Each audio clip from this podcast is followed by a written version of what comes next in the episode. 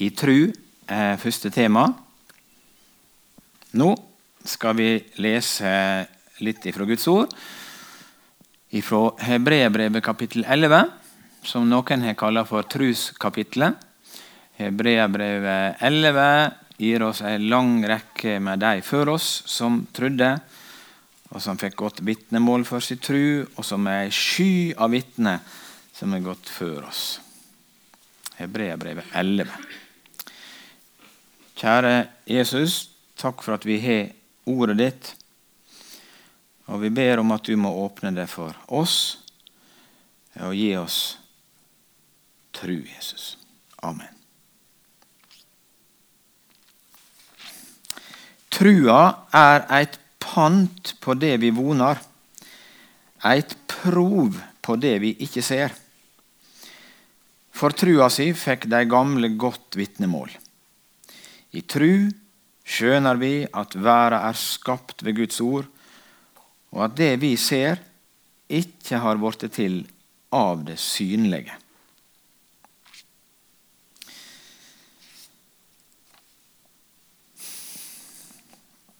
Ja, når jeg ser på notaten min til denne bibeltimen, så hadde jeg håpa at det skulle se veldig oversiktlig ut, og sånn punktvis og sånn. Men det strevde jeg med å få til. Så nå får dere bare sitte her som fugler på et brett, og så får dere plukke det som dere fikk med dere. Og så får du sortere rekkefølga litt sjøl. For det var ikke så helt enkelt. For det er et stort tema, og, og ikke er det råd å si alt, og ikke har jeg forstand til å si alt heller, men noe har jeg funnet. Der ingenting fins, der ingenting fins, kan nye ting likevel bli til. For Gud kan. Hans ord er skaperord. Hans, hans ord var skaperord, og hans ord er fortsatt skaperord. Og Guds ord er mer virkelig enn alt, alle de tingene vi ser, alt vi kan måle og se på og ta på. Guds ord er enda mer virkelig. For Guds ord var der før det ble til, Guds ord skal være der etter at alt er gått under.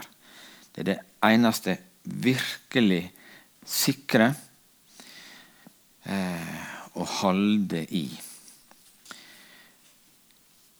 Og Slik begynner altså dette kapitlet om, om trua.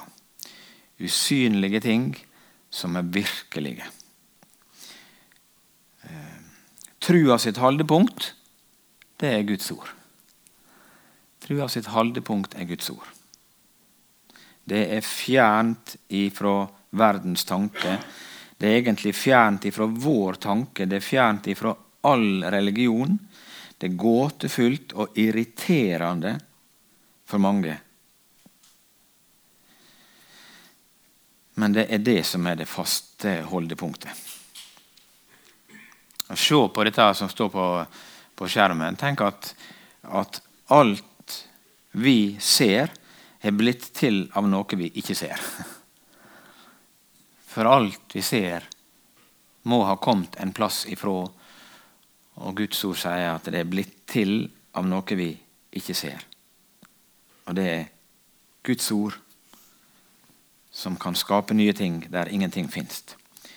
Og som kan det i dag også. Derfor er det fantastisk å kjenne Guds ord. Se på disse ordene som er brukt. Jeg lagde en ring rundt tre av dem. Pant og prov og skjønar. Det er sånne sikre, faste ting. Når mange vil si at tru er luftige ting.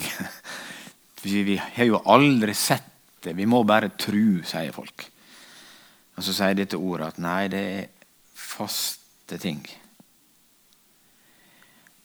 Pant står det i denne bibelen min, og i noen bibler står det vel full visse, eller full visshet. sant? Noen har det ordet? Tru er full visshet. Tru er pant. Jeg synes Det er flott at jeg har brukt dette ordet pant, for da har du noe håndfast som du kan, eh, som du kan ha visshet om. nærmest som en garanti.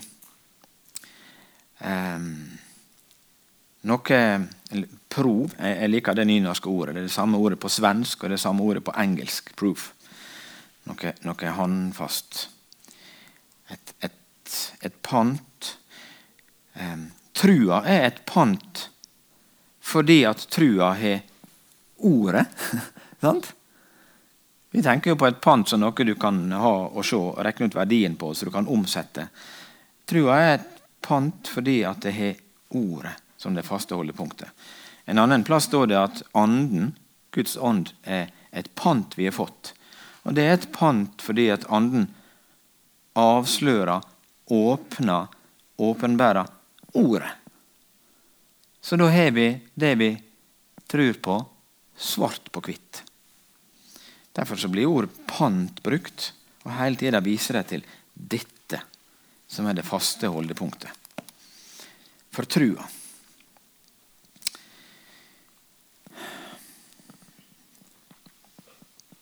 Et prov på det vi ikke ser, og så står det at vi skjøner. Eh, hvis vi nå bare sitter og ser litt på dette ordet der eh, Jeg tror en, en prestasjon? Jeg tror noe vi kan eh, ved arbeid og strev oppnå, eller jeg tror en gåve, hvis vi ser på dette ordet? Klarner det litt for blikket at det alt er noe vi har fått? Noe. Sånn snakker Nytestamentet om trua som ei gåve som, som vi har fått tatt imot ifra Gud. Som åpner døra til, til Ordet, og så ser vi det Han har gitt oss. Trua er ei gåve, ikke en prestasjon. Jeg tror jeg har brukt her i misjonssalen før denne illustrasjonen der, om kristenlivet. Kristenlivet i ei pyramide med tre etasjer og like langt ifra gulv til tak i alle tre etasjene. Og Da er det trua som er i midten. Trua er det sentrale i kristenlivet. Trua er vårt personlige forhold til Jesus, vår tilknytning til Guds ord. Trua er det personlige. Den etasjen som er på toppen, det er følelsene i kristenlivet. Det er de gode jublende følelsene om frelsesvisshet og glede, og det er de tunge følelsene eh, og sorg over synd og, kamp. Kanskje litt sånn som på bildet der. Det er spissen på kristenlivet. Det er på en måte erfaringer, kan vi kanskje si. At, at det er erfaring. Det er en etasje igjen, og den etasjen det er fakta. For vår tru hviler på fakta. Den hviler på det Gud har sagt og gjort, på Guds gjerninger. Trua lever av det. Trua hviler på det. Og det er den etasjen som er størst. Og Det er derfor vi bruker tid på å lese Guds ord, hjelpe hverandre til å lese Guds ord, samles for å høre Guds ord, fordi at da står trua støtt. Eh, og hvile på det han har gjort. Og egentlig så kommer jo følelsene fra samme kilde. Når vi får, eh, når vi får bli kjent med Guds ord, så blir det erfaring av det. Altså levetru av det. Det gamle testamentet bruker også ordet tru. Nå har vi snakket litt om hvordan trua er i Det nye testamentet. Men vi kan legge merke til at Det gamle testamentet bruker ordet tru mange ganger, men nesten alltid som verb. Mens i Nytestamentet finner du ordet om trua. Men når det i Gamletestamentet står om å tru, så betyr det å gripe eller holde fast. Det kan du teste sjøl når du finner igjen ordet eh, om de som trodde i Det gamle testamentet. Å, gripe eller holde fast. Holde fast ved noe. Og hva da? Holde fast ved Gud. Eller holde fast ved Jesus. I gamle oppbyggelsesbøker så står det noe om troens gjenstand. Veldig rart uttrykk. Troens gjenstand det er noe uheldig. Men, men da er det ment at gjen, trua sin gjenstand det er Jesus. Jeg går ikke bare med en eller annen stor eller liten tru, men jeg tror på noen. Derfor er det ei tru som frelser, og som kan eh, oppleve store ting. Det er mange kjente personer som har stått fram og fortalt om trua si. Eh, og det, det, er litt inn på en måte også å gjøre det. En sier at trua har hjulpet meg. Troa er viktig for meg. Jeg har alltid hatt en tro. altså videre. Men hva er det hvis ikke det er en gjenstand, noen en tror på? Jeg syns det kom så fint fram når han, eh, Ole Torp intervjua Dag Inge Ulstein. For da snakket, Han sa at troa har alltid vært viktig for meg. Men så nevnte han Jesus. Og Da ble det en spesiell stemning i studio. Eh, og det var så fint at han eh, ikke som mange andre kjendiser snakket mer om sin tro, men han nevnte Jesus som er trua sin gjenstand. Det jeg vi er knytta til. Som jeg holder fast ved. Og Da tenker jeg somme tider på eh, noe av det siste han pappa sa. Når jeg, han var i senga på sykehjemmet. Den senga som han aldri kom ut av. På, I levende livet. Eh, så spør en når jeg sitter og leser påskeandakt til ham du tror på Jesus, pappa? Og så svarer han ja, hva annet er det å holde fast i? Ja, det er eneste preikan pappa har holdt. Men den var innholdsrik. Ja, hva annet er det å holde fast i? sånn? Og det er vel trua, det? Er ikke det det, da? Som har et fast punkt å holde i. Og Derfor så er det ei tru som frelser.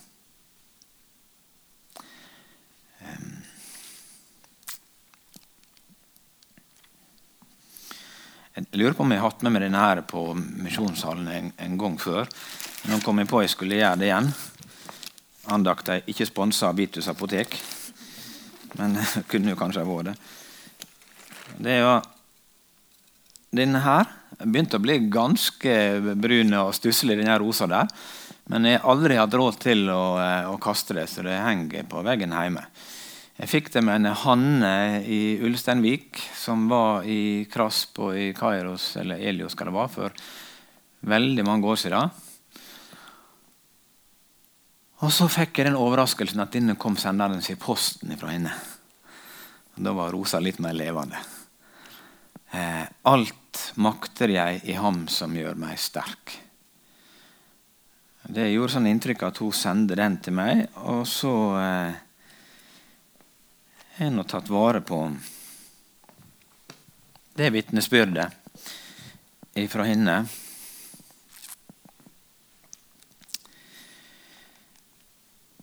Hvis du ser på dette verset, hvem er det som er sterk? Ja, sant?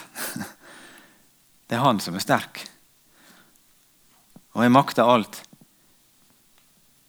i han som gjør meg sterk. Det er det som er det fine med trua, at hun har en å tru på som er sterke. Og det er slik trua er sterke. Vet du hva jeg tenkte på når jeg så på verset i dag? Jeg vet om en som kunne ha sagt dette der. Men det står ikke at han sa det. Men jeg vet om en i Bibelen som kunne ha sagt det, bortsett fra han som skrev det. Og det var Adam. Tenk på Adam, så uerfaren som han var. Alt han ikke kunne som et lite barn. Alt var nytt, alt skulle læres. Og så fikk han jo noen voldsomme oppdrag på denne jorda. Eh, stakkars. Men han kjente jo Gud. Han kunne jo snakke med henne hver dag om alt mulig og drøfte og, og, og, lære nye ting og prøve nye ting. Alt makter deg i ham som gjør meg sterk. Så alle de store tinga trengte han ikke å se mørkt på. For han hadde en læremester og en som kunne alt. Tenk at du som er en kristen, har fått tilbake det fellesskapet som, som Adam hadde. Du kan hver dag snakke med han om det som er vanskelig. Du kan spørre han om råd, du kan lære nye ting av han. Og du kan si 'alt makter er Han som gjør meg sterk'. For jeg kjenner en som kan alt, og som makter alt. Ja, Adam hadde det nok i syn, og du har det i tru. Men det er samme fellesskap. Slik er trua sterke. På en måte så virker det som om vi nå snakker litt om to forskjellige slags tru. Um, det har vært sagt eh, noen ganger det at i Det nye testamentet så får vi høre om to ulike sorter tru. Har du hørt det, du? Hva, hva bruker en å si da? Hva to sorter tru hører vi om i Det nye testamentet?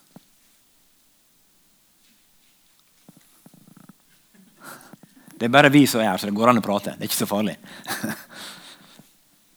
Den, den levende trua, ja. Men det kan på en måte handle om begge de sortene. Der er ei, En snakker av og til om ei frelsende tru, og så snakker en om ei tru som gjør under. Ei undergjørende tru. Den frelsende trua og den undergjørende trua. For det står om ei, ei tru som er ei nådegåve. Men jeg prøvde å skrive det på en litt annen måte. Trua som griper frelserhanda, og trua som tror at ingenting er umulig for Gud. På en måte kan en si at det er to ulike. Denne som går på det Gud har sagt, og som opplever at store ting skjer.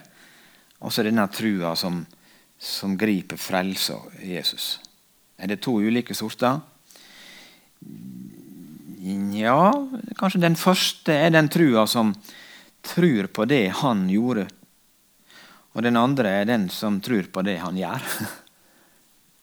Hørtes det litt klokt ut? Den som tror på det han gjorde for oss, det er den frelsende trua. Og den trua som tror på det han gjør i dag, i oss og ved oss. At han kan utrette ting, gjerninger, gjennom oss. Kanskje en kan, kan si det sånn. Trua som tror på det han gjorde for oss, og som tror seg frelst på det. At trua som tror på det han gjør i oss og ved oss i dag, og kan utrette store ting. Hvis vi tenker et eksempel fra Det gamle testamentet, Abrahams tru. Vet, Det står i 1. Mosebok kapittel 15 om Abraham at Abraham trodde Gud, og det ble regna han til rettferdighet. Til rettferd. Det var Abraham som trodde Gud, og med det så fikk han rettferdighet og frelse og alt som hører med. Det fikk han ved å tro. Men hadde ikke Abraham samtidig eh, ei tru som trodde at Gud kunne gjøre umulige ting? Det var vel på en måte en og samme sak. Abrahams tru på Gud det gjorde at han var tilregna Guds frelse. Men samtidig hadde han et tru som, som vågde å tro at Gud kunne det umulige. Han holdt fast på det Gud hadde sagt, helt til det egentlig var ute alt menneskelig håp. Så trodde han på Guds under likevel. Så Jeg tror kanskje ikke det er så veldig stor forskjell på disse to der. For begge to tror på en stor Gud. Begge tror på en, en Gud som gjør under. Um, og så har jeg vært veldig fascinert av Moses sin tru. Og Da tror jeg jeg skal lete opp andre Mosebok, kapittel 14.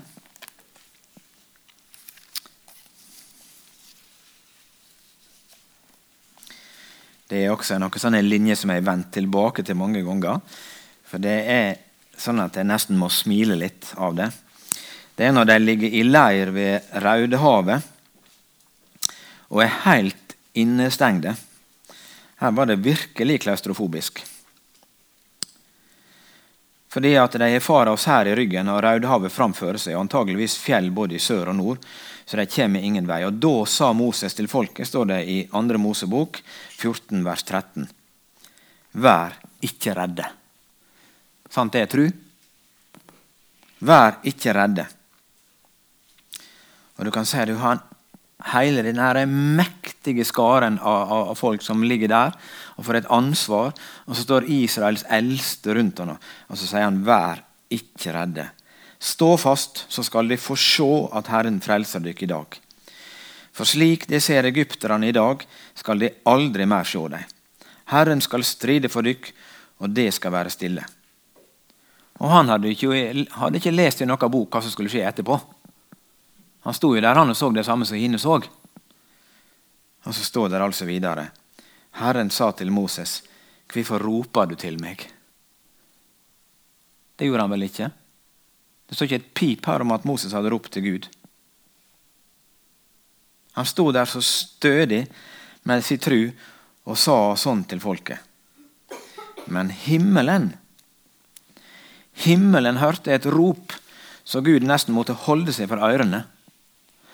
Fordi at det var et sukk, et, et rop, der inne hos lille Moses i denne fryktelige nødsituasjonen. Og Gud sier, 'Hvorfor roper du til meg?' Si til israelittene at jeg skal dra videre. Hvor enn da? Hadde Moses ei stor tru? Han hadde en stor gud.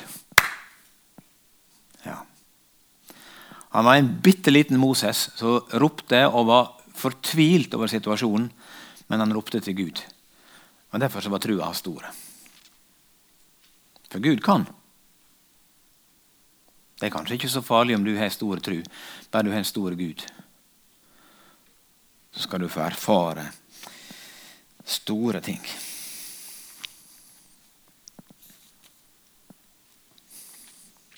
Skal vi si litt til? Trua er ei gåve. Det var vi sa vi litt om i stad. Å ha en stor tru, det er å ha en stor Gud. Men nå står det jo også at trua er ei, ei nådegåve. Denne eh, gåva til å til å Gåva til å tru. Tru under. Så om trua er gåve eller en nådegåve, det blir vel i alle fall eh, ei gåve fra Gud.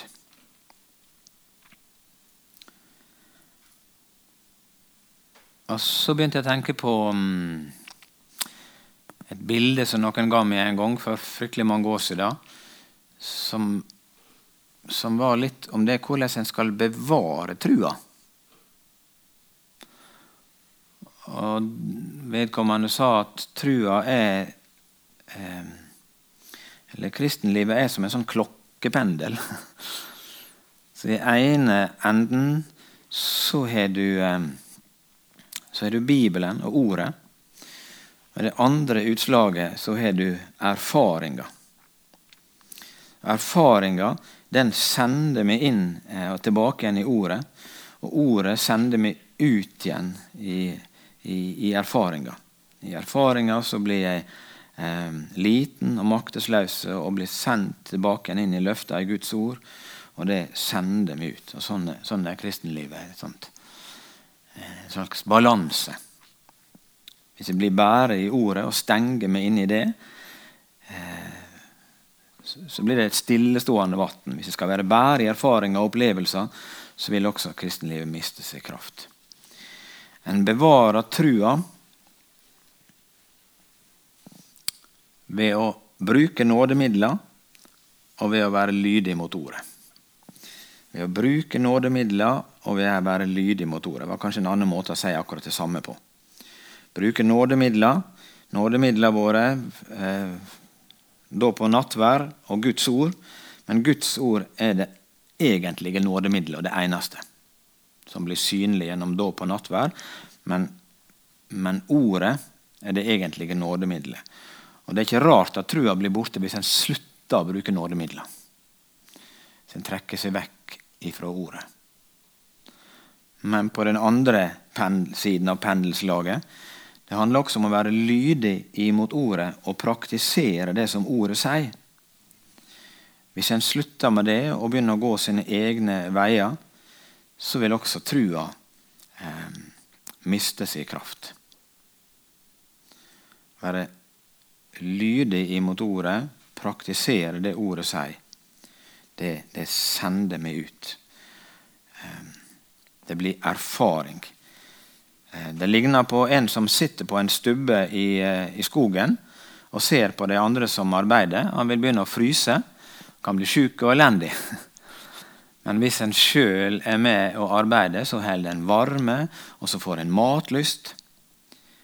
Og Slik er det når, når trua praktiserer og er lydig imot ordet, når han sender meg ut i oppgave og i tjeneste og erfaring, så blir det noe friskt ved trua. Det blir matlyst på Guds ord, og en holder varmen i kristenlivet. Trua er ei gåve, og Romerbrevet sier at trua kjem. Trua eh, klarer vi ikke å lage oss sjøl, men den kjem som ei gave, og den kjem ved Guds ord. Og den fortsetter å tru på Guds ord.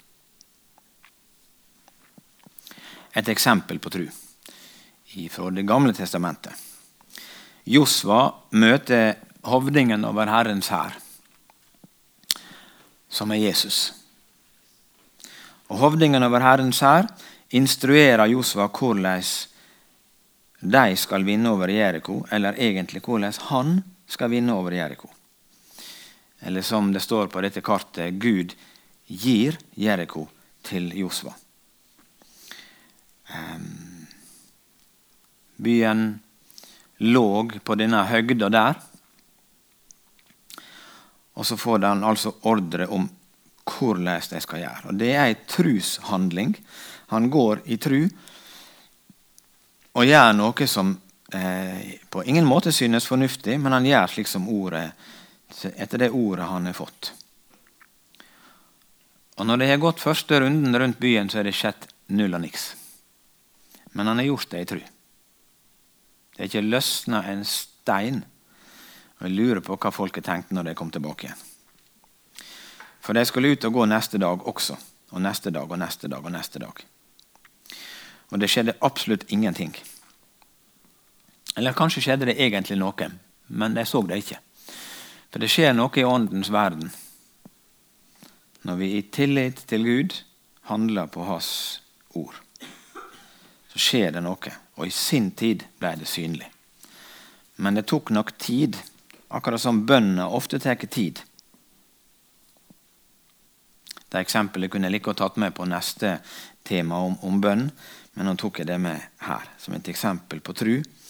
Ei trusprøve å stole på det ordet sa, og så erfare at, at det skjer. Erfare store ting eh, når vi går på Hans ord. Jeg har ikke tenkt å si så fryktelig mye mer, men eh, litt som vi skal lande med. Husker dere at læresveinene sa til Jesus 'Gjev oss større tru'? Svarte Jesus på det? Fikk de det? Han jo, svarte jo med det samme da at, eh, at om du har tru som et sennepskorn, så kan du utføre under. Sennepskornet er lite, men det har liv i seg. Så Trua er noe levende. Men det er jo fordi at det er en stor giver at det kan skje store ting.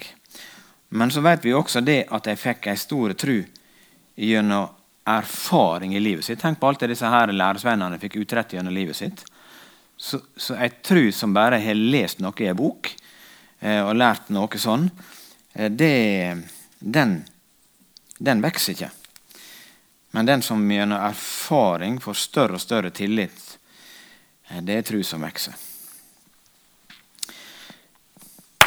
Hva er lettest? 1. Å sitte på møte og snakke om å vinne mennesker for Gud.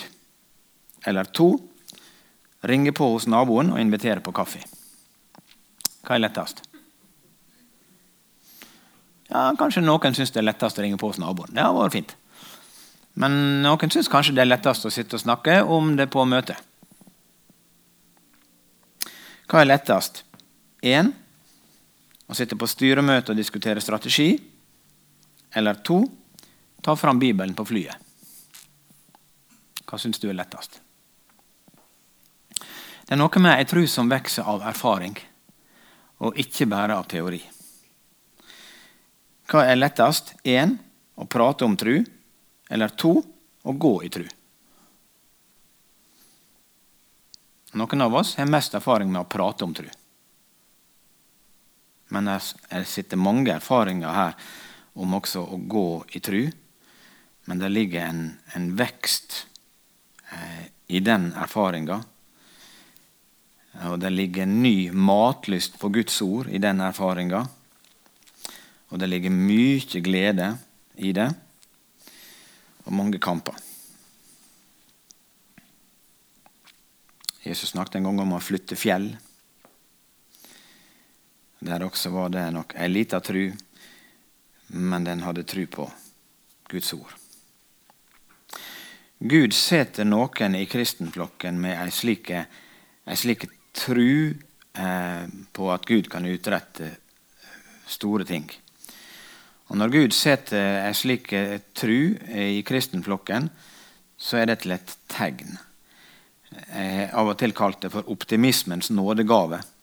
For Det står at én får ei særskilt tru ved den samme anden. Og Det er den trua som når mange andre er gitt litt opp, så tenker jeg at men Gud kan. Gud kan. Og Da blir det et tegn for de andre på at Gud er fortsatt på truna og kan. For tru er alltid to tomme hender. Ellers var det ikke tru men det er en som kan fylle hendene. Så tar jeg med far til alle truende til slutt. Abraham blir kalla for far til alle truende. Gud sier til nå, 'Jeg vil velsigne deg'. Jeg vil gjøre deg til et stort folk, sa han til en mann som hadde ei kone som ikke kunne få barn. Så da hadde han holdepunkt bare i det Gud hadde sagt. Hele det landet du ser, vil jeg gi deg og de ett for alltid. Og så flytta han rundt i det landet og eide ingenting. Så hadde han bare Guds ord å holde seg til og Guds løfte. Jeg vil gjøre deg svært fruktbar, sa han til en olding. Så hadde han bare Guds ord å holde fast i. Er det noe å holde fast i, det han har sagt? Det var det de gjorde, alle de som han Karl nevnte, som, som fikk vitnesbyrd om, om trua si. De holdt fast i det de visste om Jesus. Sara, kona di, skal føde deg en sønn. Og det var slik at Sara lo.